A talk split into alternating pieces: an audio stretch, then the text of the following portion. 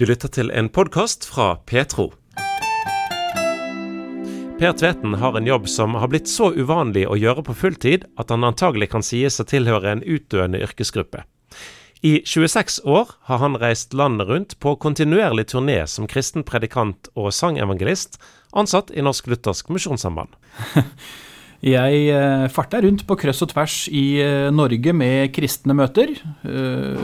Bedusser og kjerker og aldershjem og barnehager og en sjelden gang et fengsel. Det er ikke ofte, men rett og slett slipper, der jeg slipper til, der reiser jeg rundt og forteller om det jeg tror på. Du er altså ansatt som forkynner eller evangelist i Norsk Luthersk Misjonssamband. Det har du altså gjort helt siden du var 19 år? Rett og slett. Jeg begynte å reise den høsten jeg var 19 år. I 93 blir jo det da. Og har rett og slett holdt på med det siden. Så til mine sjefer i Oslo måtte finne på å sparke meg eller sende meg ut, så fortsetter det nok ei stund til, kanskje. Ja. ja, betyr det at det er god trivsel? Det er det. Det er jo ei bakside med det å reise sånn som jeg gjør, men uh, sant, det, er ikke, det er jo ikke akkurat Du heiser ikke flagget til topps på tirsdag når du reiser og skal være vekk fra kone og, og fire døtre i, i, 14 dager. Det er ikke Tirsdag er egentlig noe herk, men uh, det er en del av, av baksida med det å holde på i den tjenesten som jeg gjør. Men Går det an å si at du har litt sånn nordsjøturnus, da? Eller tre uker, vel de har? Ja, sant. De har kanskje både tre og fire, noen av de. Så nei, sånn har det ikke, ikke med meg. Eh, jeg hører om de gamle emissærene i Misjonssambandet som eh, reiste både to og tre måneder, eh, både på 60- og 70-tallet, så jeg har aldri klaga på på eh, verken tjenesten eller fritida mi, men eh, jeg er stort sett ute i 14 dager, og så har jeg ei uke som jeg, er, eh, som jeg er hjemme med familien. Og sånn går det stort sett, så Men nå er du og har møte. Der er jo en menighet som du egentlig ikke kjenner, og så kommer du og skal fortelle om det du tror på til deg. Hva skiller deg i forhold til de som snakker til menigheten til daglig? Det er ofte jeg kommer på en plass som jeg ikke har noe kunnskap i forkant. Og det syns jeg for så vidt er veldig, veldig kjekt. Og jeg tenker at uh, jeg tror jo på en gud som gir ut nådegaver. Uh, det betyr også at han uh, setter noen til typiske lærere, noen til hyrder og noen til evangelister. Det å få komme rundt til forsamlinger som ikke jeg kjenner så godt, og få lov til å forkynne det jeg opplever å, å få av Herren til enhver tid, uten å kjenne folk og uten å ha noen begrensninger på, eh, hva jeg syns jeg kan forkynne og ikke, og den her menneskelige biten rundt ting som lett kan, eh, kan begrense, det syns jeg er en veldig, veldig frihet. Jeg er ikke noe sted for å underholde, jeg er der for å forkynne Gudsordet. Og det å eie den friheten i å ikke nødvendigvis kjenne ei forsamling, det syns jeg er svært, svært uh, positivt. Og det, det tror jeg også forsamlingene ofte kan oppleve positivt. At uh, de vet at forkynneren sikter ikke på noe spesielle noe som helst, eh, på noe som helst måte. Han kjenner ikke flokken, og flokken kjenner ikke han, og så får du lov til å dele ut det gudsordet du får. Men når du begynte for 26 år siden, så var det mer vanlig. Eh, det har faktisk i løpet av disse årene her blitt eh, færre som har den yrkestittelen din. Og, og sånne møteveker som, som en kaller det, altså møte, kristne møter flere kvelder i løpet av en uke, det, det blir færre av. Hvordan opplever du det? Ja, du har helt rett i det, at, eh, at, det blir nok færre møteuker og færre møteaksjoner. Sånn som i Misjonssambandet som jeg reiser for, der eh, har det jo over tid nå vært framelska å bygge større forsamlinger med, med, egne ledere og egne pastorer. Eh, og der har det nok erfaringsmessig til nå ikke vært så plass for møteuker og møteaksjoner. Som det er mer på, på landet, og, og som jeg har vært vant med opp gjennom åra. Ehm, jeg er jo blant de som, eh, som tenker at vi burde ha begge deler. Jeg er jo veldig, veldig for å bygge forsamlinger, og veldig, veldig for å ha pastorer som står i menighetene. Men eh, jeg tror også det er viktig at det av og til kommer inn nye mennesker i forsamlingene som, eh, som kan ha noe friskt og nytt med seg, der nådegavene kan få fungere, og der, der du kan forkynne helt uten uten bånd og uten eh, noe andre ting å ta hensyn til. Men hvis vi legger vekk alle filter og alle høflighetsfraser og sånt nå. Eh, du reiser jo rundt og treffer mange folk på bedehus eh, i Norge. hvordan ser de ut, disse som du Hvem er disse her som går på bedehus rundt omkring i Norge, sånn som du ser det? Nei, det er helt, helt vanlige folk uh, i det norske samfunn. Uh, hadde en skrapa sammen alt av kristenfolk i Norge, så hadde det vært en svært stor gruppe. Hadde, hadde folk uh, som bekjenner seg til Jesu navn, ønska å være med i én sekk, i ett parti, i én form for ja, gruppe og tilhørighet, så hadde det vært mange, mange, mange hundre tusen. Så ofte så blir vi eh, snakka om at vi er en liten gjeng, vi som går på bedehuset. Uh, vi er egentlig kjempemange. Og bare i Misjonssambandet, når vi har ei generalforsamling, er vi, spruter det fort en 5000-6000 mennesker ut dit. Så, og det er jo bare i vår sammenheng. Så det er masse, masse kristenfolk i Norge, og det er helt vanlige folk. Ingeniører, lærere, sykepleiere og alt mulig som kan krabbe og gå. Per Tveten, eh, forkynner i Norsk Luthers Misjonssamband, er på besøk hos oss eh, i dag. Eh, tidligere så fortalte du at du begynte altså i den jobben du har allerede som, som 19-åring. Og så har jeg òg forstått at det var ikke det du hadde tenkt. Så litt mer om hvordan du endte opp med å, å få spørsmålet og si ja. Det hadde med bibelskoleåret i Stavanger å gjøre. Fjelltun bibelskole. Eh, der eh, reiste jeg bort fra Bamble det, den, eh, den, høsten, og eh, når jeg kom dit, så skjedde det største som egentlig kan skje. Jeg fikk, jeg fikk se det at det som hadde med Jesus å gjøre, det, det, var ikke bare for mamma og pappa og besteforeldre og, og misjonærer og, og, prester og den type ting. Men det med evangeliet og det med Jesus, det var noe som gjaldt meg i aller høyeste grad. Og, og det året fikk jeg fikk jeg slå meg til ro i at eh, det Jesus hadde gjort, det var nok for meg, ikke bare alle andre. Og da skjedde det noe på innsida. Da fikk jeg en veldig trang og en sånn uro at eh, kjære folk, det her må jo flere, få høre. Eh, det er ikke bare snakk om en læresetning og en teori og, og, og noen bokstaver i ei bok, men dette er jo virkelig et liv, og det handler faktisk om, om det mest alvorlige av alt i hele universet. Det handler om å, om å nå himmelen når du dør. Og da da fikk jeg en sånn uro at det her, det har jeg veldig veldig lyst til å være med og, dele videre. Eh, og så kom det etter hvert et spørsmål fra Telemark, Misjonssambandet i Telemark.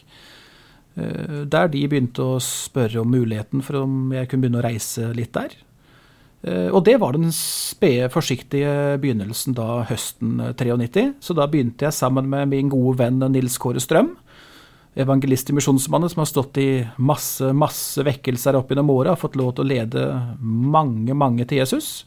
Vi begynte høsten 93 på Notodden i Telemark, sto der i tre måneder. Det var min aller, aller første opplevelse av å være i tjenesten for Jesus. Eh, og etter det så har jeg fortsatt år for år. Eh, jeg bare legger merke til et ord som du bruker, 'stått i vekkelse'. Eh, kan du forklare hva, hva egentlig det Hva betyr egentlig det? Nei, Det betyr at du kommer en plass til ei bygd eller til en by, og så har du kanskje tenkt å være der ei uke eller to og forkynne evangeliet for de som kommer. Uh, og så begynner det å komme flere og flere, og etter hvert så begynner kanskje de kristne i, på bedehuset å ta med seg noen naboer og noen venner og uh, videre bortetter som vanligvis ikke går, og som kanskje til og med åpent bekjenner at de ikke tror på Jesus. Og når uh, folk begynner å gå på møte sånn, så er det ikke alltid at vi får tru for å avslutte møtene, selv om siste søndagen har kommet og vi skulle eh, reist en ny plass hatt møter. Og da, da, er det av og til at det bryter ut vekkelse, som vi sier. Det betyr rett og slett at mennesker som ikke kjenner Jesus, får trang til å bli kjent med han, og bekjenner og tar imot han for første gang i livet sitt. Og da er det av og til at vi må være opptil flere uker og flere måneder på ett sted, eh, når det er mange som ønsker det. Eh, det som du fortalte om der med at, at plutselig så gjaldt det deg, dette her. Eh, kan du fortelle litt mer om hvordan det opplevdes? hvordan det endret, For jeg ser for meg at det må på en måte endret din opplevelse av verden på en eller annen måte. Ja, for meg var det en sånn veldig aha-opplevelse å få eh, Fra at alt som hadde med Bibel og kristne ting sant? Jeg hadde hørt om det på både søndagsskole og barnelag og på møter, men, men det å det at det med Jesus blei noe veldig personlig og nært, eh, det forandra veldig, veldig mye. Eh, det gjorde at eh, livet mitt skulle ikke lenger bare handle om ei lommebok. Skulle ikke bare handle om nytelse. Skulle ikke bare handle om å få det mest feite navnet i kommunen. overskriftene, popularitet. Det gjorde at jeg fikk en veldig trang til å peke på han som er mye større enn meg, og mye, mye viktigere enn meg. Per Tveten var altså bare 19 år da han ble ansatt som forkynner i Norsk Luthersk Misjonssamband.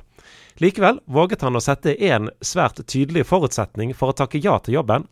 Hver høst, nærmere bestemt i uke 42, kunne han ikke være på talerstolen.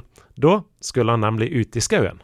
Nei, det er faktisk helt sant, det, altså. Eh, når jeg fikk spørsmålet fra Telemark om å begynne å reise, da kontakta jeg han som var generalsekretær i Misjonssambandet, Egil Grandhagen. Og så banka jeg på døra og sa det at jeg har i grunn tenkt å svare ja på det kallet jeg har fått fra Misjonssambandet, hvis du kan love meg at jeg har fri uke 42 hvert år. Og han skjønte jo med en gang hva det gikk på. Eh, da er det elgjakt. Og han eh, holdt på å si stempla papiret der og da og sa at du skal få ha fri uke 42 hvert år. Så når oktober kommer, da har jeg alltid ei eller to friuker der jeg er ute med kamerater og fyrer bål og steker bacon og forteller skrøner og putter patrona i eh, børsa og håper at det kommer en svær rakker av en elgokse forbi eh, meg. Jeg må jo bare spørre, du har jo eh, kanskje et yrke som de andre eh, kollegaene dine på Elgjag ikke har. Hvordan eh, fungerer det? Er, du den som forteller? Det kan jeg godt være de vet veldig godt hvem jeg er, og de vet veldig godt hva jeg holder på med. Og en og annen, eh, en og annen eh, kommentar kan alltids slenge, men de har, de har, respekt for det jeg holder på med. Og vi har et veldig greit kameratslig forhold på alle vis. Og det, det er, har aldri vært noe problem av noe slag. Men, men, du møter jo veldig mye folk. Er det noen morsomme historier som du da drar fram rundt bålet ifra jobben din? Eh, det kan det være, uten at jeg ønsker å utlevere folk, selvfølgelig. Men det er klart når du reiser rundt sånn som jeg har gjort nå i alle disse åra, så, så, har du opplevd eh, mye forskjellig. Noe veldig, veldig alvorlig og trist. Eh, noe veldig festlig. og Sånn vil det alltid være, men det kan også like mye slå andre veien. da, At du møter ting i, i hverdagslivet ditt hjemme i Bamble og ellers som du også kan ta med deg på en talerstol. Den retningen. Så det, det, det går begge veier. Men, men du, eh, du, har jo vært inne på det litt tidligere i sendingen her, at uh, når du reiser, så er du gjerne vekke kanskje 14 dager om, om gangen. Det betyr at, at kone og barn Du er ikke der som de er. Og jeg forstår at, at, det er noe som du Altså, det er et offer for deg? Ja, hadde ikke kona mi Katrine og jeg stått sammen om dette, så hadde det vært helt, helt umulig. Det uh, vi, eh, når jeg traff henne, så var vi veldig tydelige på å samtale nettopp om disse ting. At eh, jeg har et kall til å formidle evangeliet til folk. Eh, og det, det kommer til å være en bit av vårt familieliv hele veien. Så det måtte på en måte på plass i starten. Og det Jeg har ikke reist hjemme fra Bamble én gang der kona mi Katrine har sagt at uh, uh, det her, her syns hun er skikkelig trasig. Hun står 100% med i kallet og ber for meg hver dag, og tar virkelig byrden eh, hjemme når jeg er borte. Eh, apropos eh, konen din, hun traff du faktisk i arbeidsmed før? Det gjorde jeg. Eh, Katrine er fra Sandefjord. Og eh, når hun, var, hun gikk året på, på Fjelltun bibelskole året før meg. Og når hun var ferdig der, så ringte hun til Misjonssambandet oppe i eh, Finnmark og spurte om det var bruk for en kristen sykepleier. Eh, det var det, og hun blei sendt opp til Lebesby, helt opp på toppen av landet vårt, opp på Nordkynhalvøya. Eh, og hun kom dit og var bestyrer på Samemisjonens aldershjem der i fire år, faktisk. Så kom jeg dit og blei sendt opp på møter, og blei jo kjent med Katrine. Eh, Syns det var ei knakende bra dame. Eh, det er jo begrensa mye du rekker å få gjort på ei uke da, når du er der på en møteaksjon. Så, så jeg reiste sørover igjen med uforretta sak etter ei uke i Lebesby. Og um, ringte til min jordiske sjef i Oslo, han heter Jan Gaute Sirevåg, og så sa jeg det at jeg syns ikke jeg ble helt ferdig oppe i Finnmark, sa jeg til Jan Gaute. Og han skjønte jo lunta på det og sendte meg opp igjen etter noen få måneder. Og da, da fant Katrine og jeg ut av det, og siden har det vært oss to. Nettopp. Og da mista de en sykepleier i Lebesby? De gjorde det, så jeg er kanskje ikke den mest populære uh, forkynneren oppe i Lebesby, for jeg stakk av med sykepleieren deres, så det, uh, det, var ikke noe stas akkurat det, da. det er i grunnen bare én ting jeg forbinder med det navnet, ut fra at jeg vet sånn omtrent hvor det ligger i verden. Det, det er Lebesbymannen. Jeg vet at du kjenner litt til den. Hvem var han? For det var en litt spennende person. Ja, sant. Det er en veldig spennende person. Og hvis du reiser opp til Lebesby uh, i dag, tar flyet opp til Lakselv, og så leier du deg en bil og kjører i to timer videre nordøstover, så er du oppe i Lebesby. og der er det en svær statue av han fortsatt på utsida av kjerka. Han var en uh, veldig åndelig mann. Han hadde jo en evne som ikke jeg har, i hvert fall. Han, han så inn i framtida på en del ting på en uforklarlig måte. Det mest kjente er jo Titanic. 14.4.1912, sant. 2228 passasjerer om bord. Kaptein Smith på sin aller siste reise som kaptein fra Southampton til New York, og så går de og river ruskende galt, sant. Det, det så Lebesmann.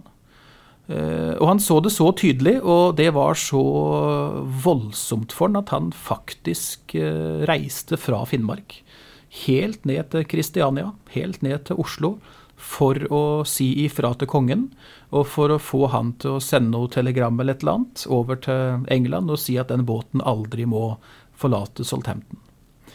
Så eh, det er jo veldig rart å tenke på, og egentlig, egentlig helt sprøtt å tenke den tanken, at han eh, både så det i forkant og og tok den turen. Da er du rimelig overbevist når du reiser fra Finnmark og til Oslo eh, i 1911-1912.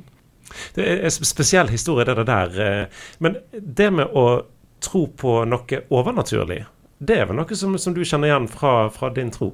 Ja, det gjør jeg jo absolutt. Og det har jo med alt fra skapelsen å gjøre, og, og, og hverdagslivet i dag, og det som en dag skal komme lenger fram. Jeg jeg tror jo på en gud som har skapt det hele. Jeg tror ikke på tilfeldigheter. Jeg tror på en gud som, eh, som har kreert og forma og danna det hele fra starten av. Eh, jeg tror på et syndefall som har skjedd, og det har fått følger for hele verden. Jeg tror på en frelser som har gitt livet sitt for å ordne opp i vår synd. Og jeg tror på en himmel som en dag skal bli alle til del som tror på denne Jesus Kristus. Så det overnaturlige tror jeg veldig på, og er overbevist om at denne guden finnes.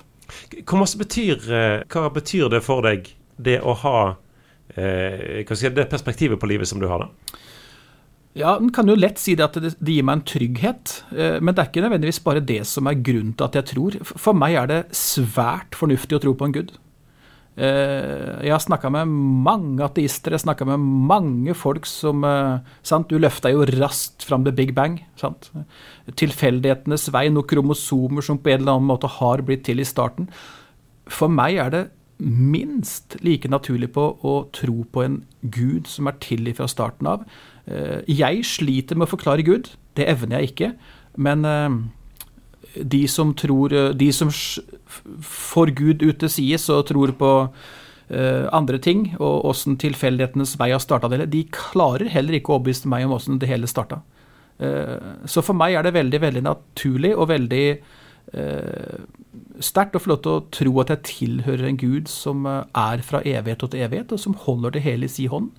Eh, jeg er ikke til av en tilfeldighet. Jeg tenker ofte på det når vi tenker på mennesker, åssen et menneske blir til. To mennesker som finner veien sammen, eh, som ligger sammen, og så blir det barn av det. Skal det være tilfeldigheter? Og så blir det blodårer til, og så blir det eh, kropp og, og, og følelser og hjernekapasitet. Alt dette er en frukt av tilfeldigheter. Jeg sliter veldig. Som omreisende forkynner holder Per Tveten mange taler i løpet av ett år. Men han har slett ikke alltid disposisjonen eller manuset klart, særlig lang tid i forkant. Den ettermiddagen vi møter Per Tveten, skulle han entre talerstolen bare tre-fire timer seinere, men visste fremdeles ikke helt hva han skulle tale om. Eh, nei, det gjør jeg ikke. Jeg uh, har sittet litt i formiddag og lest og bedt noe, men uh, har liksom ikke fått hull på noe ennå. Så nå skal jeg hjem og ha meg en middag ikke så langt unna byen her. Og så eh, regner jeg med at det kommer dukkende opp noe, for det har det alltid gjort eh, de åra jeg har reist. Og jeg tror faktisk det blir sånn i dag òg. Men, eh, men, hva jeg skal preke om i kveld, det vet jeg ikke enda, men det tror jeg kommer etter hvert. Når får slår stressmomentet inn på at du ikke har noe å fortelle om? Hvor, hvor nærme møtetidspunkt er vi da? Ja, Nei, altså det her er noe jeg har holdt på med så lenge at eh, jeg, jeg, vet at det, eh, det, er alltid noe som åpner seg. og det kommer, Jeg har aldri gått opp på en talerstol og stått der og stotra og, og ikke hatt noe. Så Men det er klart det er veldig deilig de morgenene jeg våkner, og du har et bibelord klart og kanskje ei historie, og du vet retningen på det klokka ni om morgenen. Det er jo veldig, veldig behagelig, det. Men eh, det er ikke alltid sånn min tjeneste er. Du har hørt en podkast fra Petro. Du finner masse mer i vårt podkastarkiv på petro.no.